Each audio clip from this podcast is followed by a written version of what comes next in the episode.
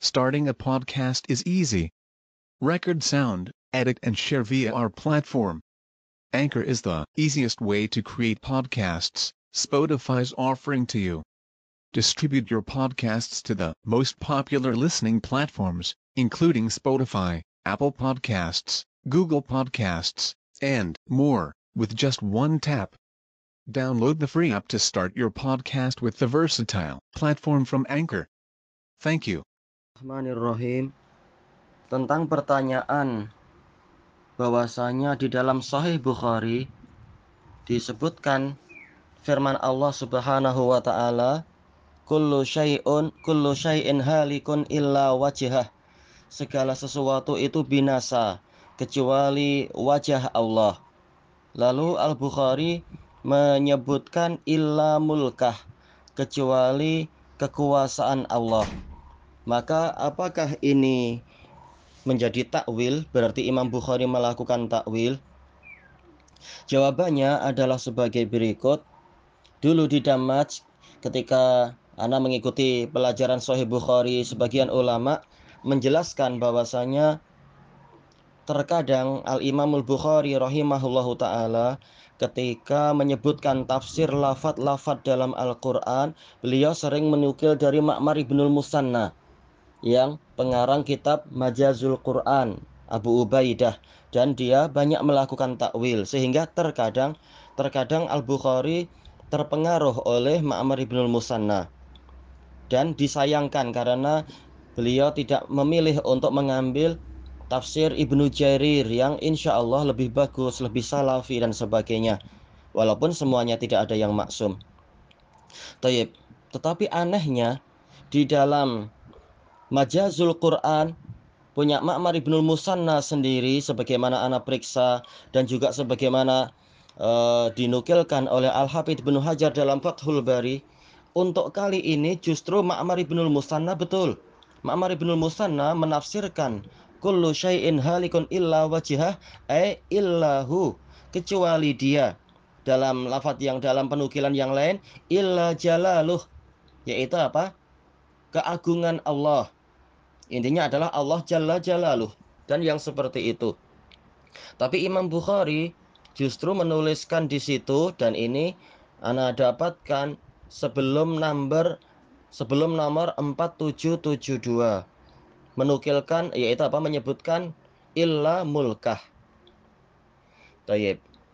Dan Imam Bukhari bukan membuat sendiri tetapi beliau dohirnya mengikuti yang sebelumnya yaitu Ibnu Kaisan Ibnu Kaisan mengatakan illa mulkah.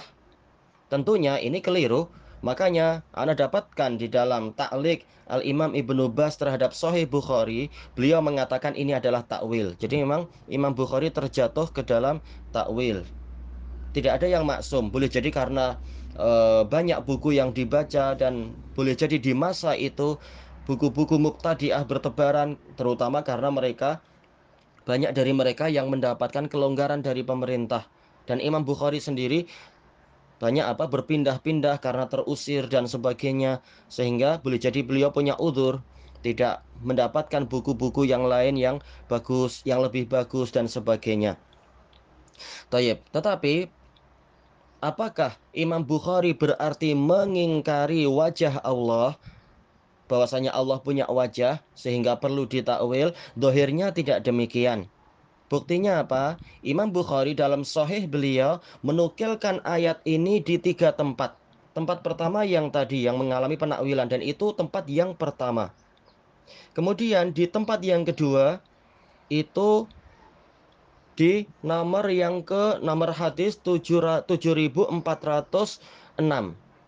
Beliau membuat, membuat bab khusus tentang tafsir firman Allah Ta'ala kullu syai'in halikun illa wajihah lalu beliau meriwayatkan hadis yang ma'ruf kesohihannya hadis Jabir dan hadis ini ada juga dalam sulasiat Imam Ahmad.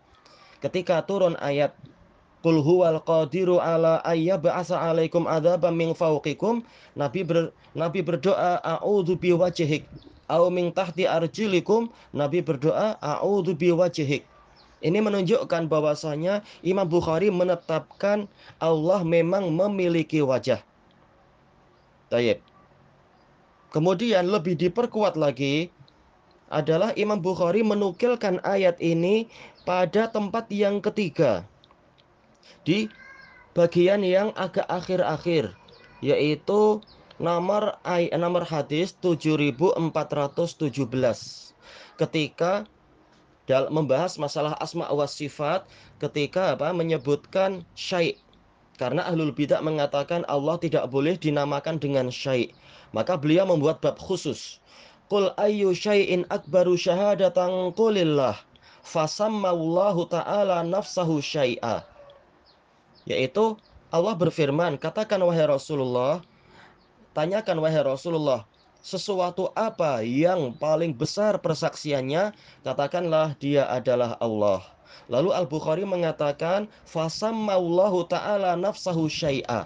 Lalu Allah menamakan dirinya adalah syai' wasamman nabiyyu sallallahu alaihi wasallam al-Qur'ana syai'a dan Nabi sallallahu alaihi wasallam menamakan Quran adalah syai' wa huwa sifatun min sifatillah sementara Quran adalah ini kalau huwa kembali ke Quran. Quran adalah salah satu dari sifat-sifat Allah. Waqal, lalu Bukhari menyebutkan Allah berfirman kullu syai'in halikun illa wajhah. Segala sesuatu, syai' sesuatu itu binasa kecuali wajah Allah. Maksudnya bagaimana? Wajah Allah adalah syai'. Sementara Bukhari tadi mengatakan apa? Allah menamakan dirinya syai'. Berarti Imam Bukhari mengisyaratkan dengan isyarat yang jelas wajah Allah di sini maksudnya adalah Allah itu sendiri. Dan ini sesuai dengan tafsir para salaf.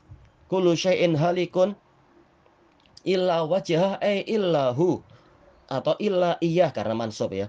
Tayyib istisna uh, yang sebelumnya adalah taman mujab berarti apa? Dia uh, illa iya mansub kecuali dia itu sendiri dan ini adalah zikrul ba'd urida bihil kul, menyebutkan sebagian tetapi yang dimaksudkan adalah keseluruhan. Hanya menyebutkan wajah tapi yang dimaksudkan adalah seluruh zat Allah memang apa? Memang kekal. Tayyib. Atau apa? Takbiru takbiru syai' bi asyrafi kata sebagian ahli lughah bi asyrafi uh, bi asyrafi menyebutkan sesuatu dengan yang paling mulianya. Ketika yang paling mulia pada suatu zat adalah wajah, disebutkan wajah. Intinya, kalau di dalam tempat yang pertama memang Imam Bukhari mengalami penakwilan seperti yang ditetapkan oleh Imam Ibnu Bas dan beberapa ulama yang lain. Tetapi boleh jadi setelah itu beliau karena kita tahu kitab Sahih Bukhari ini ditulis selama 15 tahun. Boleh jadi setelah itu beliau mendapatkan tambahan informasi, tambahan ilmu dan sebagainya sehingga pada penulisan yang kedua, penulisan ayat pada kali yang kedua beliau tepat karena menafsirkan ayat dengan wajah apa menafsirkan wajah dengan apa? wajah. Hadis apa? Hadis Jabir betul-betul menetapkan Allah punya wajah. Kemudian pada kali yang ketiga menetapkan yang dimaksud wajah untuk ayat tadi adalah Allah itu sendiri. Jadi beliau insya Allah dapat udur tentang masalah ini dan beliau bukan hanya memiliki satu pendapat di dalam Sahih Bukhari itu. Bahkan kita mendapati pada bagian yang tengah dan bagian yang akhir itu lebih menetapkan bahwasanya beliau mengikuti tafsir ahlu sunnah. Tayyib. Wallahu a'lam walhamdulillahi rabbil alamin. Memang tidak ada kitab yang sempurna selain kitabullah. Walhamdulillahi rabbil alamin.